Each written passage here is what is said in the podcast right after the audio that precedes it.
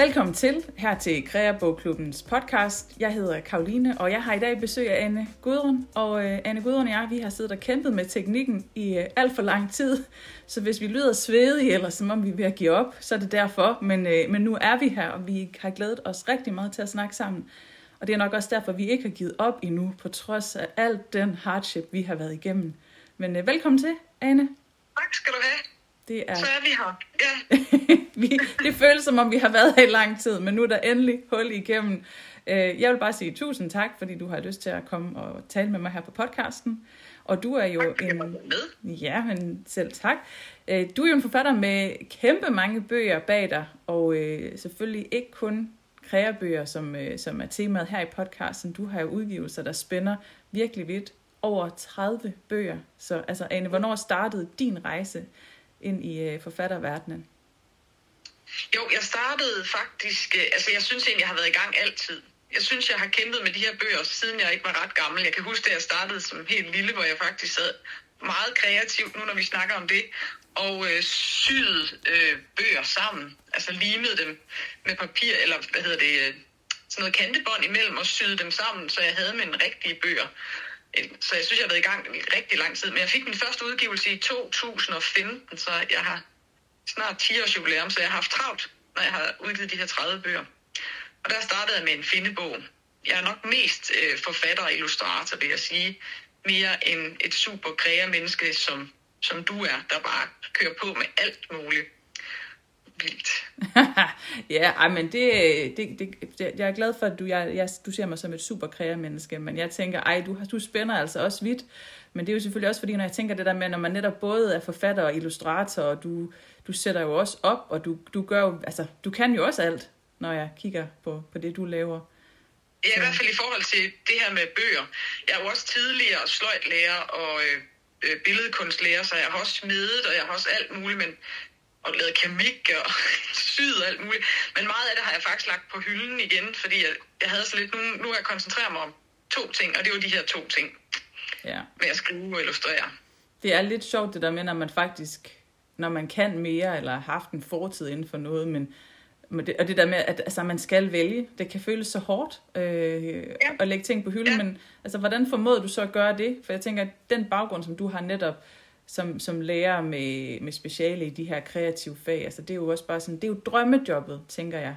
Hvordan, hvordan er det at lægge det på hylden? Hvordan kan du overleve det? Er det fordi du tænker, du tager det op igen en anden dag så, eller hvordan gør du det?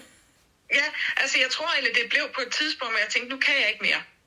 Altså det blev, øh, det blev for meget, jeg havde gang i at, altså for eksempel når jeg var på messer, så havde jeg ørering med og skulptur og noget foto og noget, altså alt i verden. Og så på et eller andet tidspunkt, og det lyder meget højt ravne, og det, det kommer det altså til nogle gange med mig, men jeg gik faktisk ud i skoven, og så satte jeg mig nede ved nogle træer, og så sad jeg og sagde, hvad er det egentlig, jeg gerne vil? hvad er det egentlig, jeg gerne vil? Og så sad jeg sådan og tog det hele. Vil jeg egentlig nærmest sådan på sådan en vægtskål i min hånd og sige, vil jeg have det her med mere i mit, i mit liv? Nej, det kan jeg mærke, det bliver for knoklet. Altså for eksempel det der med at smide eller lave i træ. På et eller andet tidspunkt synes jeg, at min krop blev for gammel og for gammel koneagtig. Jeg kunne ikke holde ud og stå og have vandhævede hænder, når jeg havde smidt. Så den må jeg lægge til side. Og, og så kom jeg frem til det her med, at jeg gerne ville fortælle historier.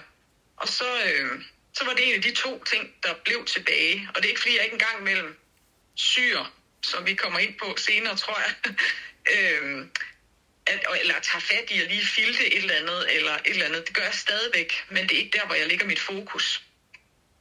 Nej, men Det flot, flot, du har taget valget. Altså, jeg, jeg sidder som hende, der lige har været netop på messe, med bøger, med ørering, med, okay, ikke noget, jeg havde ja. Smidt, men man kan sådan lidt stå og tænke, øh, hvad, er det, hvad er det, jeg laver, og hvad er det, jeg vil? Altså, det er sejt, ja. Sejt at have taget valget, og jeg tænker, jeg kommer også til at stå der snart, fordi på et tidspunkt, så kan man altså ikke det hele. Nej, og du gør jo også alt muligt, for jeg ser også, du ordner også dit eget hus, og maler dit gulv, og altså, laver flotte ting uden på dine vægge og sådan noget. Jeg ser og tænker, wow, what the bip. Men det må være vildt meget, ikke? Altså, Mm. du må også have Ja, suget en masse luft ind. Absolut. For at kunne følge med, ikke? Og man, men, men det er jo så også det der med, at man netop man får også noget energi, energi af de der projekter, især dem, der bliver færdige, hvor man så ja, kan, kan tjekke dem af, både så man sådan ligesom mentalt får dem af listen, hvis det er et eller andet, der faktisk skulle gøres, men også bare sådan Ja. den der, jeg fik et resultat, det blev forhåbentlig godt, altså når, især når man er tilfreds ja. med det selvfølgelig. Jeg tror, det er den ja. energi, jeg kører på, men, men det er rigtigt, det er ikke, det er ikke brændstof øh, nok til det hele. Nej, egentlig ikke helt. Altså i hvert fald ikke for mig. Jeg havde på et tidspunkt, hvor jeg lige sagde, så nu. Ja. Ja. Men jeg tænker, der er især to af dine, af dine bøger, som vi skal snakke om i dag. Øh, ja. Med skriveøvelser og tegneøvelser. Vil du fortælle lidt om dem? Ja. Ja, jeg har jo skrevet to øh, hvad kan man sige, hobbybøger og fagbøger, hvad vi kan kalde dem. Og, jeg, og igen, det der med, det var det, det valg, jeg gav mig selv, det var at skrive og illustrere. Så jeg synes også, jeg dykkede godt ned i de to ting. Og så lavede jeg først den, der hed øh, tegneøvelser og tegneleje, hvor jeg tog fat i en hel masse, der går i de samme principper, som jeg også tidligere har hørt øh, dig snakke om i podcasten. Øh, at, at det er sådan, øh, hvad kan man sige, en måde at lege det frem på. Mm. Det er ikke sådan tegn. Altså, der findes nogle, nogle øh, hobbybøger, det er altså min hund, der ligger hernede og skramler helt vildt. Jeg håber ikke lyden kommer på. Det er bare hyggeligt. Jeg tænker med alle de lydudfordringer, vi har haft i dag, altså der er det lidt skramlet. At hvis er det, den mindste? Ja, det, ja. det er så godt. Det er fint. Ja. Men det, det er ikke sådan en bog, hvor man siger, her er der en cirkel, og så en anden cirkel, og når du har sat det sammen, så får du en and. Eller et eller andet. Det skal være, hvor man dyrker den kreativitet, som vi alle sammen har. Og jeg startede den her tegneøvelse og tegneleje og greb fat i en masse ting, som skal få det til at flyde og, og, og lege det frem. Og så tænkte jeg, den kan jeg egentlig føre hen på skrivningen også. Der var jeg lige nødt til at, at, at hæve aldersgrænsen. Den med tegneøvelser og tegneleje, den hedder fra 7 til 100. Mm. Hvor skriveøvelser og skriveleje lige op fra 10 år til 100 plus. Ikke? Jeg kan godt lide det der 100 Fordi, plus. Det er meget vigtigt. Ja, ja det er godt. Ja, ja. At, man, øh, at jeg blev nødt til lige... Øh, fordi fagligheden den blev lige lidt anderledes alligevel, når det handler om skrivning. Det kræver, at man kan skrive et ord, ikke? Mm. Ja, og det er jo dejligt. Altså, det er jo nogle bøger, man også ser rundt på bibliotekerne. Der tænker jeg, der må du også have fået noget god feedback på dem. Altså jeg har da i hvert fald, jeg har da stået med en af vores fælles bekendte på messe, hvor tegneleje og tegneøvelser blev solgt. Og, øh, og det gik rigtig godt med den. Den fik i hvert fald ja. mega god feedback, og der var mange interesserede øh, kunder ja. til den. Ja, jo, jeg synes, de har gået, øh, altså når jeg har, nu har jeg været på to julemarkeder her i år, og de, de går godt, og det folk, de løber lige hen til den for at se, øh, der er så nogen, der synes, den her skriveøvelse og skriveleje, den skulle handle om, at børn de skulle lære at tale, skrive pænt i dag. Nå. Altså, nyde håndskrift, fordi for børn ikke skriver pænt i dag. Og der har jeg sådan lidt, jamen det er ikke mig. Altså, det igen, det handler om flow og give den gas og skriv endelig grimt. Ja. Det... Bare du får, kommer der ud af. Altså, ja. Det kan jeg godt lide. Ja, men det er sjovt, hvad folk de kommer med nogle gange af, af, af hvad, hvad de lige læser, hvad de ser. Øh, ja. det kan man godt få noget sjovt ud af samtidig. Ja, og få noget med hjem, hvor man tænker, nå, hmm, okay, ja. så, skal jeg, så skal jeg vælge noget andet i forhold til en anden gang. Ikke? Det er det, der også er sjovt ved at være på messer nogle gange, men ja. Præcis, eller hvordan man lige, hvordan man lige skal vinkle det. Ja, men har du en, har du en tredje af dem i støbeskeen så? Eller er, det, er, de, er de to, er er, de, er de færdige? Er det en pakke, eller er der noget andet, du tænker, som, øh, som du egentlig arbejder på nu? Ej, i forhold til de her, der er de, de jeg tror ikke, jeg laver flere, altså den her øvelse, lege, øh, bog, men jeg, jeg ved det aldrig, jeg siger altid, det tror jeg ikke, og så finder jeg på et eller andet andet. Men det, det tror jeg ikke, jeg gør. Nu tror jeg sådan, jeg vil arbejde lidt, hvis jeg skal lave flere kreabøger, så kommer det til at, øh, at handle lidt mere om at arbejde kreativiteten generelt ind i sin hverdag. Men det så skal være for voksne, tror mm. jeg. Spændende. Sådan noget med at, ja, at få gang. Altså, jeg kan også have undervist voksne på FOF blandt andet. Og de har meget med at sige, at det har jeg slet ikke tid til.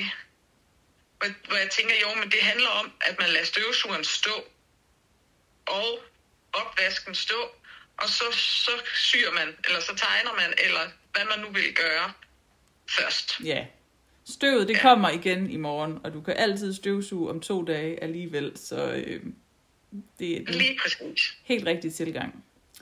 Ja. Og, og nu har jeg jo lavet den bog, øh, strikkebogen, undskyld, jeg det zonede de ud et øjeblik, der hedder, jo, du kan strikke. Jeg vil sige de der, jo, du har tid, det kan den hedde. Jo, du behøver ikke støvsuge. Jo, du kan lave noget kreativt i stedet for. Man skal bare, øh, man skal bare sige det med overbevisning. Og det giver, ja, jeg så den nemlig også godt, den overskrift. Den har jeg ikke lige set endnu, den der, jo, du kan strikke, men det giver god mening. For der er mange, der har også, når de står og siger, ej, jeg vil ønske, jeg kunne tegne. Jamen, så må du sætte Ja. ned og tegne. Der er ikke rigtig andet valg. Nej. Altså, Og så kan Og man så- godt, så kan man i hvert fald lære det. ja, Ja. Og vi skal, men vi skal også snakke lidt om inspiration. Øh, og jeg har jo sådan spurgt dig lidt, hvad du, øh, hvad du bliver inspireret af. Øh, og så var jeg så heldig, at jeg rent faktisk så fandt den her, som var en Ja. af dem, du, øh, du skrev om til mig. Sjove ting og ingenting. Og det aller sjoveste med den her, det er så faktisk, at at jeg så det her billede, så tænkte jeg, det er Allan, det er min mand. ej, var det godt. Ja, det kan det er da rigtigt. Det er mega ja. godt.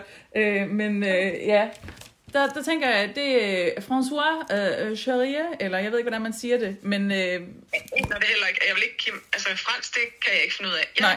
Vil Men du, jeg har haft den siden jeg var... Ja, den hedder Sjove ting og ingenting jo. Og øh, jeg, jamen, hvornår er den udgivet? den det er fra 72 øh, original og fra 74 øh, i Danmark. Så det er også, uh, Ja. det er fra den gode generation af hobby kreabøger, dengang det også Ja. godt måtte være lidt grimt.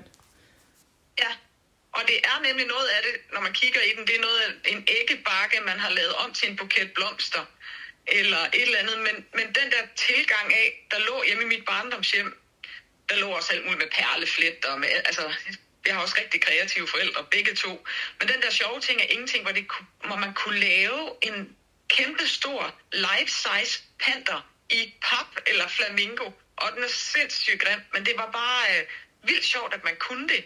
Og det var ting, jeg havde lige derude. Jeg tror, jeg har lavet de fleste af tingene. Måske lige bortset fra den der figur, som du siger, der ligner din mand. Med noget dejligt krøllet hår, noget krøllet skæg, ja. der er lavet af. Jeg Ja. tænker også, det her det er bare, det er, det er Mimbo Jimbo næsten jo, hvis man, øh, Ja, hvis man kigger på den her fine elefant. Jeg skal nok, jeg sætter ja. Nogle billeder ind i, øh, ja, ind på Instagram bagefter, så man, så man kan se noget af det, vi sidder og griner af, fordi, øh, ja. Og det er nemlig noget med en flaske, man har lavet om til en elefant, hvis man sådan lige skal forklare det lidt med noget pulp og noget. Det er ikke kønt, nej. men det er virkelig inspirerende. Også for børn, at man må lave det, og det, er- det er de voksne mennesker, der har lavet. Ja. ja. Toiletruller. Ja, nogle grimme sjove ting. Ja. Og det er også det, jeg tænker, øh, altså sådan med kræa, med udvikling af kreabøger, fordi vi har den her generation af de her lidt, ja, nu siger jeg grimme kreabøger, det lyder, det lyder ikke særlig pænt, det er ikke ment på den måde, men det her med, at vi bruger æggebakker, vi bruger toiletruller, øh, og det er selvfølgelig også, æstetikken er jo også, man kan se, det er lavet i 70'erne, og noget af det ser jo sådan fotokopieret ud, og det, og det er okay, det, det er Ja. sådan, det er. Og så kom der jo også, så har der været en masse ultra pænt og nitty, eller sådan nogle itty bitty små øh, detaljer. Øhm, og nu synes jeg så, det er dejligt, der med, at vi faktisk er ved at komme hen imod igen noget, uden så mange regler. Øh, du smækker ja. Ja. noget sammen, du gør noget, og ja, om det så grimt ud på bagsiden, eller om det er lidt skævt, eller whatever, altså at det pludselig er ved at blive tilladt igen. Øh, Ja. Det er jo, altså det synes jeg i hvert fald er fantastisk, at, øh, at udviklingen er gået sådan. Ja, jeg er simpelthen så enig. Fordi jeg har også, jeg var jo lærer på et tidspunkt, hvor nogle af de der, hvad kan man sige, de der pæne bøger, du snakker om.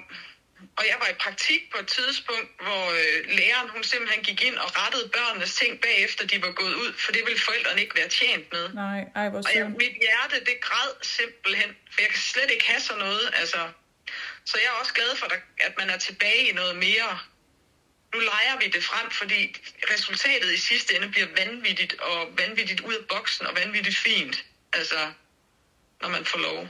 Ja, og det er, altså det kan godt være svært også det der med, at nu er der jo tit nogen, der fortæller mig sådan, ej, dine børn, de er bare så heldige, fordi de får lov til at være med i alle mulige kreative processer, og have det sjovt derhjemme med limpistolen og sådan. Og det er også rigtigt, det gør de også samtidig, absolut. Ja. Men det er jo heller ikke sådan, altså nu- jeg har jo også nogle materialer, undskyld, det er ikke så pænt at sige det, men, men det er så mine, dem deler jeg ikke bare Ja. ud af, eller dem sådan, altså, der, der er måske nogle ting, der betyder noget særligt for mig. Der er noget stof, man ikke bare må klippe i, eller nogle perler, man ikke bare kan bruge til altså et eller andet helt random. Øh, og, men derfor så er det også så vigtigt netop at have noget, øh, både noget fedt, men også nogle æggebakker med noget forskelligt. Så der er de der ting, hvor børnene også kan få lov til at gå amok med limpistol, uden, altså uden det koster noget, uden det, øh, at man, ja. Ja. du har taget mit allerbedste garn, uden, uden det der chok. 100 kroner rullen, Ja, så det er, og at, har øh, lavet en, noget hår. Ja, Ja. så, så god en mor er jeg heller ikke. Men, øh, men derfor så tror jeg også, det er virkelig vigtigt, at man også giver sig selv lov til at have nogle, have nogle grimme rodekasser derhjemme, så der netop også er det der, man, man bare kan være fantasifuld med. Øh, og heller ikke fordi børn der bare skal have det dårligt. Det er også sjovt selv at sidde og bygge af noget, hvor man netop ja. ikke, ikke tænker på spil, ikke tænker på ressourcer, øh, men bare give sig selv lov til at lege stadigvæk. Ja, enig. Øh, ja, men det er sådan lidt, nogle gange, nogle gange skal man bruge det pænt, eller nogle gange skal man bruge det dyre, fine papir, men nogle gange så skal man også måske bare bruge det der kopipapir, bare for at få noget igennem, for at få, for at få ja. ture for nogle ting ud. Altså det kommer også an på, hvordan man arbejder, hvordan man har det. Øh, men man skal ikke gemme alt det, alt det gode helt til sidst, fordi så er det tit for sent. Ja, det kender jeg faktisk også godt, noget akvarelpapir, jeg har liggende stadigvæk, som jeg går og kigger på, sådan noget rigtig fint bomulds et eller andet. Jeg tænker, ah, det er nok ikke i dag. Nej, jeg, jeg, jeg håber, du får det frem en dag, og får, og ja, får det brugt også. Men øh, Ja, det er ikke altid nemt at være kreativ og vide, hvad man skal, hvad man skal bruge, hvad man skal arbejde med. Men nu har du jo, øh, du har jo dit eget forlag nu. Forlaget Ravn. Øh, tænker, det må også give en god frihed i forhold til, øh, hvad du laver. Jeg tænker ikke kun på, ikke kun på kreabogs, hobbybogsområdet, men også i det hele taget. Øh, sådan, hvordan føler du dig fri af det, eller hvordan, jeg, jeg, jeg, nu kan jeg ligesom bare lige sige med, min, med, med, med, med mig selv og, og med mit eget forlag, det her med, at, at i realiteten, så kan man jo, man kan jo bare sende ud og sende noget ud, og det er fantastisk. Men når man, når man selv er redaktøren på det, og selv er ligesom the gatekeeper, det kan også være super svært at nå til det punkt, hvor man siger, nu er det færdigt, nu er det godt. Hvordan, øh, hvordan, hvordan administrerer du det, når du står også af din egen forlagsboss? ja. Jeg har jo været ved øh, super mange forlag, også inden at jeg åbnede mit eget forlag, så jeg har taget noget med derfra. Og nogle af de redaktører og korrekturlæsere og sådan noget, som jeg har haft på de forlag, dem har jeg snuppet med. Okay. Altså ikke snuppet med, altså det lyder som om jeg har taget den fra nogle andre forlag, det har jeg ikke. Jeg betaler bare ud af min egen lomme, i stedet for det de andre forlag, der betaler. Så der har jeg en, en vis sikkerhed, synes jeg, i at, at, at jeg tænker, det bliver i hvert fald lige så godt, som det har været før, fordi de samme personer, jeg, jeg hapser ind, eller, eller hvad kan man sige, og den giver mig en enorm stor sikkerhed. Men jeg er også nået til et punkt, hvor jeg synes, det er enormt hårdt. Altså, oh, det lyder så, så øh, nu lægger jeg min hånd på panden, og hvor er det synd for mig. Det mener jeg virkelig ikke. Men det er lidt hårdt, fordi det er også mig, der er PR-chefen. Mm. Og det er også mig, der er, øh, ja, lave alt muligt, sende det ind til forlag. Du kender jo hele processen med, at man skal lave en pressemeddelelse. Så skal man have fat i nogle blogger, og så skal man have fat... Det, det er et kæmpe arbejde, samtidig med, at man jo også er pro- producenten. Mm-hmm. Man er både forfatteren, og man er et eller andet, så, så jeg også nogle gange rammer lige det sted, der hedder, jeg savner også et forlag at løbe sammen med. Ja. Så jeg ligger et- et sted, hvor jo, det er enorm frihed. Altså, de to hobbybøger her, de er gået kanon godt, og de er udgivet på mit eget forlag. Og de sælger mere sig selv. Det kan være sværere, og når man ikke har et helt kæmpestort PR-team bag sig, som de store forlag har, at sælge en roman Ja. ind. Altså, eller, en, altså det kan også være en læsebog. Jeg har jo har også udgivet ved Lindhardt og Ringhof, som er jo ude på det danske folkeskoler med, hvad hedder det, Alinia. Mm. Det bliver jo bare så ind. Jeg skal jo ikke, jeg skal ingenting gøre. Aflevere et produkt, og så er det, så er det ude. Så det, det er et sted midt imellem der, hvor jeg står, at det er super fedt og super frihed, men med friheden, som vi lidt, går lidt spider i den, der følger også et stort ansvar. Øh, og det synes jeg faktisk godt kan være hårdt, Ja. uden at være offer. Ja. Jeg tror, jeg forstår dig, fordi man netop også noget af alle den energi og de kræfter, man gerne vil bruge på netop at lave alt det kreative og lave indholdet og, og pusle om det. Det, det, det er kræfter, der netop skal tages ud for at lave noget so content og, og pakke bøger og den slags ting. Altså, og det kan også være rigtig, rigtig fedt og sjovt. Altså, det, er også, det er også spændende det her med at få indsigten i alle aspekter af det. Men, øh, men ja, nogle gange så tænker man, alt den energi, man bruger på at lave nogle, nogle Instagram-opslag, at, at man kunne have siddet og arbejdet på en, på en anden bog, og det, øh, det er måske det, man allerhelst vil. Ja, ja det er lige, lige netop det, ikke? Altså, jeg har jo idéer til, jeg har en bogliste, måske, der er 20 bøger endnu, jeg gerne vil skrive. Men øh, det er jo også, ja, det der med at få tiden til dem. Mm. Hvad vil du øh, give af god råd, hvis der sidder nogle øh, kreabogsforfatter, en spe her og lytter? Hvad tænker du, øh, hvad er tre gode råd, de skal tage med, hvis de, øh, hvis de sidder og drømmer om at udgive noget selv? Hvad vil du anbefale dem til? Altså, jeg synes i hvert fald, det der med at udgive selv, det er enormt rart. Det, det kender du jo også. Du har også været på et andet forlag først. Du har fået blåstemplingen fra bibliotekerne, der siger, inden der Karoline, det kan hun godt finde ud af. Så når du sender noget andet næste gang, så starter du ikke fra nul. Man Ja. starter op på stigen. Så hvis jeg kunne sige, at... Altså, men det er jo... Det er jo nærmest det er, det er en umulig ting at sige, men drømmescenariet er, at man har været ved et andet forlag først, som har foden godt inde i en branche. Men derudover så vil jeg sige, at man skal få det testet an. Hvis man... Øh, jeg har haft, altså i bagerst i for eksempel mine tegneøvelser og tegneleje, der har jeg haft, kan man se, jeg har haft det ude til en aldersgruppe fra 70 til 5 år, selvom det er under målgruppen. Øh, fordi at, at, altså der kunne jeg vise det i bogen, at det er blevet testet. Ja, og, og så, øh, så ved man, at det holder det, man har gang i. Det gjorde jeg ikke så meget med, med skriveøvelser og skriveleje.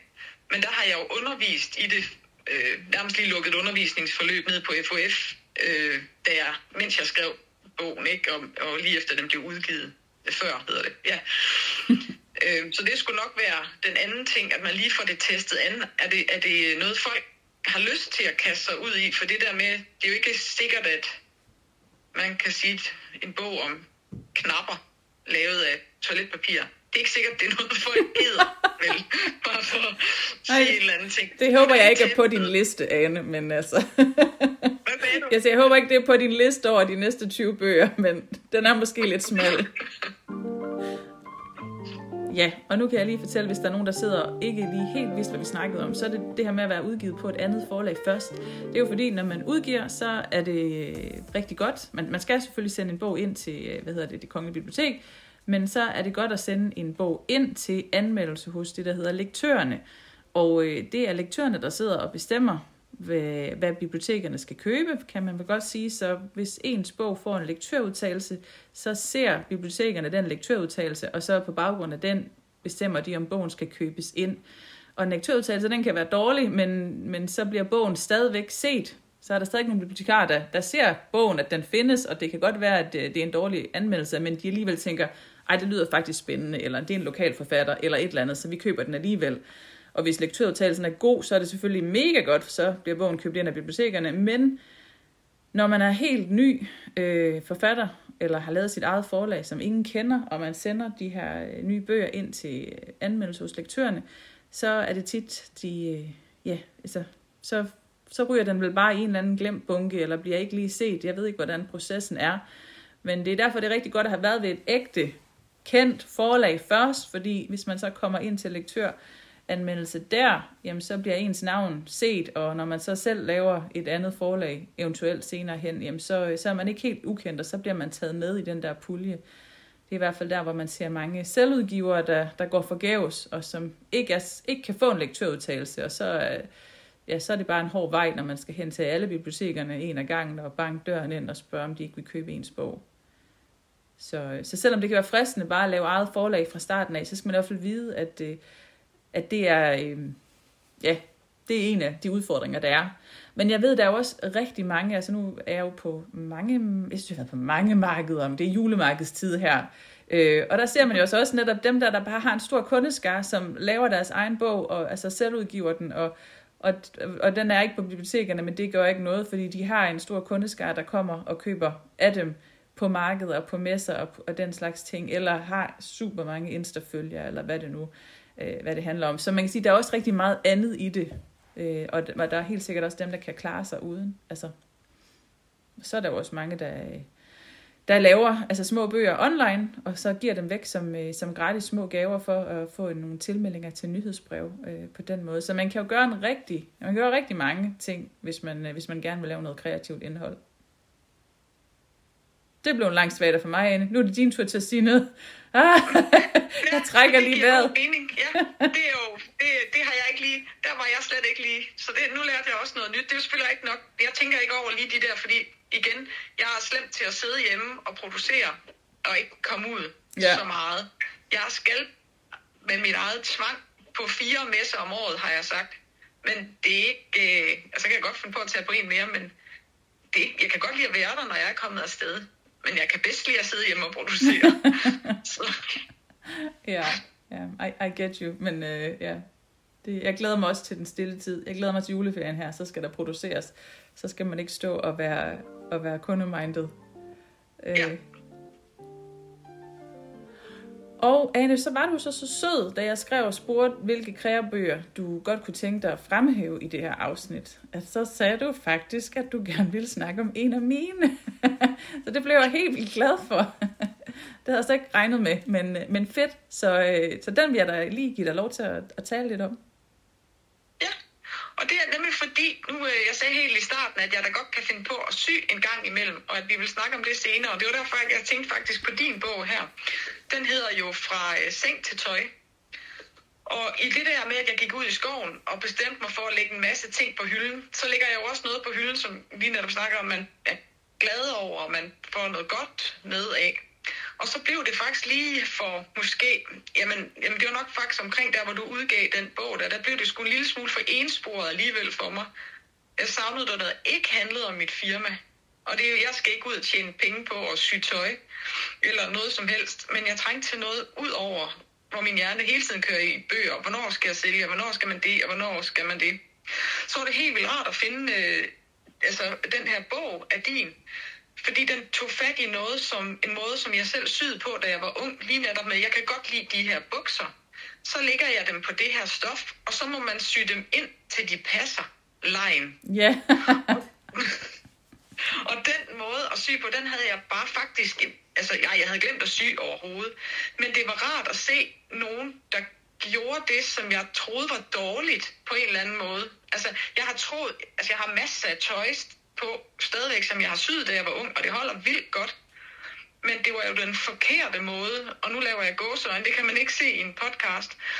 Øhm, øh, men så det, var, så det var rart at se det der med, at man bare lige, øh, den der lejesyning, og man får jo stadigvæk nogle rigtig fine resultater af det, men jeg har haft en fornemmelse af, at jeg ikke kunne finde ud af at sy, fordi jeg netop ikke sætter syr fliseline bagpå, eller stryger alle kanterne, før jeg sætter nåle i, eller det kører bare derud af, når jeg syr noget, og så må man blive ved med at lægge, lave små læg, indtil bukserne sidder flot, og man ikke får en flad røv, eller hvad det nu er. ja. Jamen, jamen, tusind tak for det. Altså, det er virkelig dejligt at høre. Og, øh, og så bare lidt ærgerligt, at det netop er sådan, altså, at der er så mange, der føler sig forkerte. Fordi, nej, det er ikke den rigtige måde at sy. Øhm, og hvordan man egentlig, altså, hvor mange der sikkert har det på den måde med, hvad end de laver af kræa. Altså, om det er syning, eller de maler, eller de laver smykker, eller smeder. Altså, at man faktisk holder sig tilbage, og på en eller anden måde, altså, får mindre glæde ud af det, end man kunne, fordi man føler, at det ikke er den rigtige måde at gøre det på. Altså, det, det er bare så synd, fordi hvis du får noget ud af det, som du er glad for, jamen så er det den rigtige måde at gøre det på. Altså, så gør du det på, så gør du det på din rigtige måde. Ja, det er lige præcis sådan, ikke? Og, og, og tøjet har jeg jo på, så det er jo tøj. Ja. Det findes jo. Ja, og, og, og netop hvis det er det, der gør, at altså, om man får gjort det, eller man ikke får gjort det, altså, øh, og man får stadigvæk brugt det der stof, man er glad for, og man får, ja, man har stadig noget på, man, øh, man godt kan lide, altså, ja, altså det er lidt sjovt, fordi det er jo også, hvis jeg skal lave et eller andet handy herhjemme, så er det jo heller ikke altid, det måske bliver gjort på den, også i gåseøjne, rigtige måde, eller at det ser pænt ud om bag ved det der billede, jeg, jeg skal hænge op. Men, men det bliver stadigvæk hængt op, eller jeg får stadigvæk, øh, jeg får stadigvæk gjort det, og jeg altså, får stadigvæk krydset noget af på listen. Men, øh, men jeg føler også netop, at nej, men det, jeg gør det jo heller ikke på den rigtige måde. Det er jo heller ikke ordentligt, men, øh, men hvis det nu stadig bliver gjort, er det så ikke, er det så ikke godt nok? Det er nemlig det. Altså, øh, og, og det er det, jeg har også bare ting, jeg kaster mig. For eksempel skulle jeg, det er så overhovedet ikke kræa, men det er det alligevel lidt, for det er den samme proces, man kan bruge. Jeg vil gerne have sat et nyt toilet op. Så går jeg på YouTube og ser, hvordan gør det, og så prøver jeg på at sætte det op. Altså, så ser vi, om det ikke holder, og det gjorde det. Et eller andet sted, og det er det samme, som du siger, det ser grimt ud bag ved det billede, man har fået hængt op. Det her toilet, det så nu ikke grimt ud. Jeg var ret stolt af mig selv. Men det er det samme, man kan bruge de der kreative processer med at kaste sig ud i noget og sige, hvordan griber jeg det fra A til B? Hvad, sk- hvad sker der, hvis jeg gør det? Og Ja.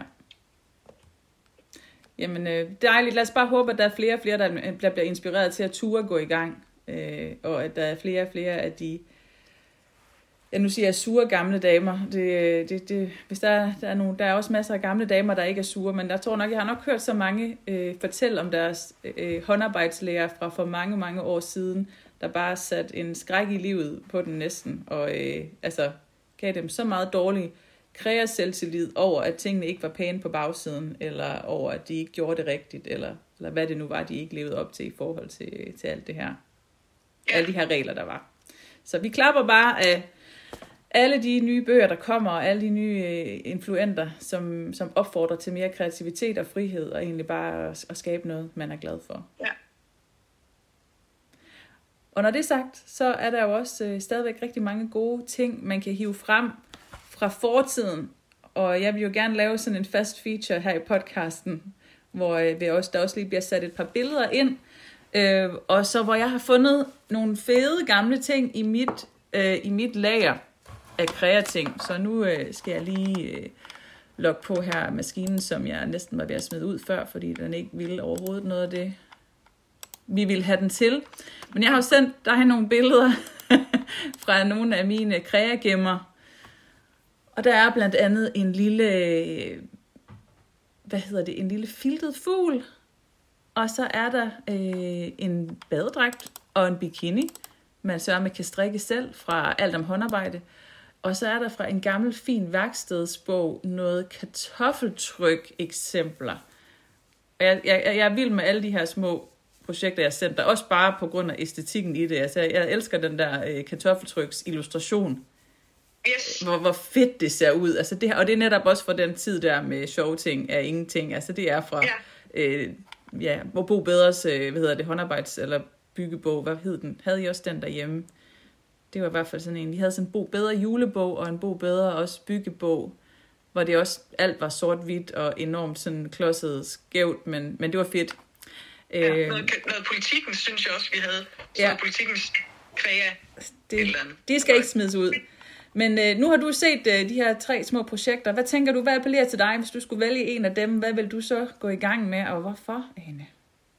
Altså de der filting, det laver jeg i forvejen, og det synes jeg egentlig på en eller anden måde ikke er så retroagtigt, for det synes jeg egentlig, jeg oplever, at folk laver. Ja. Sådan nogle øh, små lækre filt, det med dutter. Jamen, det kan også være, den der er nok der... kun fra nullerne, den bog der, men det er alligevel, der er bare alligevel sket noget. Ja. ja.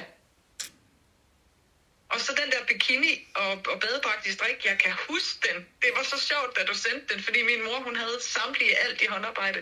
Og mig og min storsøster, vi skreg af grin over badedragt i strik, fordi forestillingen om at gå i vandet, og det bliver vådt, og så kommer den til at hænge dernede. Man går op, og så, så det... siger det bare shup, og så hænger der sådan et, ja. et langt skridt dernede. Ja, så jeg, den tænker, den hopper jeg heller ikke på. Men jeg har seriøst kartoffeltryk på min, øh, på min, på min, øh, på min øh, hvad hedder det, en gang skal gøre liste. Ja. For det kan jeg huske helt fra min barndom. Jeg synes, det var mega fedt. Også sådan et halvt æble tryk. Ja. Yeah. Hvor man skærer et halvt æble over, hvor man kan se kernehus og sådan noget. Jeg synes, det er vildt fedt. Og så kunne jeg godt tænke mig at lave nogle af mine logoer som kartoffeltryk. Øh, sådan at jeg bare lige kunne lave øh, en t-shirt med det på, eller det kunne også være en mosgummi eller et eller andet, sådan at man havde sit eget. Altså sådan en kartoffel, den dør jo lige så langsomt, men... Ja, for at lave noget, der holder. Struktur. Ja, Ej, men det er jo da en mega god idé. Man kan jo bare, når man kan høre, når man taler med dig, hvor kreativ du er. Det er fedt. Ja, altså, det, det går, det, altså i hvert fald sige, nogle gange så går det så hurtigt, at jeg ikke selv kan følge med. Det lyder som at blive en ros, men det er det altså ikke altid. Men hvordan, altså det, det, ja, det kan man godt få mig til at spørge, hvordan du så netop balancerer det også med, altså det der med, at du har et kreativt hoved, og nogle kreative hænder, og du har projekter, du har firma, du har familie, du har alt muligt. Altså hvordan, øh, ja, hvordan finder du balancen i det? Jeg fristes til at sige, det gør jeg ikke. Altså, og det ved jeg godt, det lyder, øh, ja, Jamen, det gør jeg ikke. Jeg synes nogle gange, så vågner jeg klokken 5 om morgenen, og er lidt stresset over alt det, jeg synes, jeg godt kunne tænke mig at lave. Så jeg balancerer det dårligt, men åbenbart godt nok til, at, at jeg, altså, det er jo ikke sådan, at jeg starter tusind nye projekter og aldrig får nogen færdige, for jeg er ret god til en afslutter også, heldigvis. Ja. Øh, men, men jeg synes ikke, jeg altså, balancerer det super godt ind. Jeg har så mange ting, jeg virkelig gerne vil, og idéer, jeg får. Men øh, den eneste måde, jeg sådan ligesom kommer over det på, på en eller anden måde, det er, at jeg har altid en notesbog. Ja. Og den, den, øh, det råd er i faktisk i begge øh, de her skriveøvelser, skriveleje og tegneøvelser og tegneleje, det er, at man skal have den notesbog, man får. Altså man har på sig altid. Så når man går ud, så man lige kan få skrevet den her idé ned. Altid. Og det er det, der hjælper lidt mig med at vågne op og have en god idé, eller det her, det skal jeg have gjort, så lige få skrevet det ned med det samme. Så den der lille åndssvage notesbog, som egentlig, ja, det er så simpelt, men det er faktisk den, der gør, at, at man får dem skrevet ned, og de ikke kommer til at sidde som de der forfærdelige propper inde i hovedet, hvor man går og bliver småirriteret. For lige snart man har skrevet den ned, så har man jo, man har ikke udført den færdig, men ideen er ligesom ude i verden, Ja. og nu bor den der til en anden god gang. Ja, så man kan lige give slip på den for en stund i hvert fald. Yes, Og du har ikke prøvet at miste sådan en notesbog så? Det har jeg ikke. Der er også regler om, når man får den her notesbog, at man skal skrive sin adresse og sit telefonnummer i starten. Ja. Og så skal man også skrive i sin notesbog, at det kun er min. Og de ikke skal læse i den, men de meget gerne må ringe, hvis den bliver væk. Fordi man skal også have lov til at skrive rigtig dårlige idéer ned i. Jeg har et eksempel, som jeg nogle gange bruger. Jeg har haft en, en bog, jeg godt kunne tænke mig at skrive om et barn med en øjenbetændelse. Og hvordan verden kommer til at se ud. Altså, og det skulle være overført betydning, at når man så går rundt og ser verden igennem den her øjenbetændelse, så ser verden grim ud, men når man får den kureret, så bliver det verden god. Altså sådan en overført betydning. Men historien, den bliver aldrig god. Men jeg er glad for, at jeg har den et eller andet sted, så den står der. Ja, Altså, så Det er nogle er dårlige. Det det er jo andre ikke læst i min bog, vel? Hvis de fandt det. Det, det, er ikke, det er ikke alle de her idéerne, der vil blive stjålet i sådan en bog, men, øh, men det er også, man, man, ja, man skal selv lige kunne tyde dem, og det er jo det, øh, man har. Man, en, en idé kan lyde meget mærkelig, når den lige bliver skrevet ned på et par linjer, men, øh, men derfor kan den godt være fantastisk ind i hovedet. Og, og det kan også være, at den bliver til en rigtig god bog en dag, Anne Gudrun. Det tænker jeg, det, jeg, jeg, jeg, synes, jeg synes, det lyder fedt. En god idé. god Og tanke. ulækkert. Ja. Men fedt. Ja. Det er det. Det er også lidt sjovt. Jamen, så tror jeg bare, jeg vil sige tusind tak, for at du holdt tålmodigheden med mig her, da vi prøvede at sætte det her op. Det er jo altid utrolig kedeligt at høre på i en podcast, at nogen snakker om deres tekniske problemer, men, øh, men de var altså virkelig store. Så, øh, så vi fik det til at lykkes alligevel, og øh, jeg glæder mig til, at jeg tænker, at vi skal snakke sammen igen en anden god gang. Øh, det kunne jeg i hvert fald rigtig godt tænke mig. Det var så spændende at høre om øh, dit forfatterskab og alle dine projekter, og dejligt at høre, at du også lige kan installere et toilet, og du bare gør det. Det kan jeg godt lide. Ja, det vil, det vil jeg rigtig gerne være med til en anden gang. Det er godt. Tak skal du have, og øh, tak til jer derude, der lyttede med. Vi ses igen i en øh, godt øh, andet afsnit af Kreabogklubben en anden gang. Tak for nu.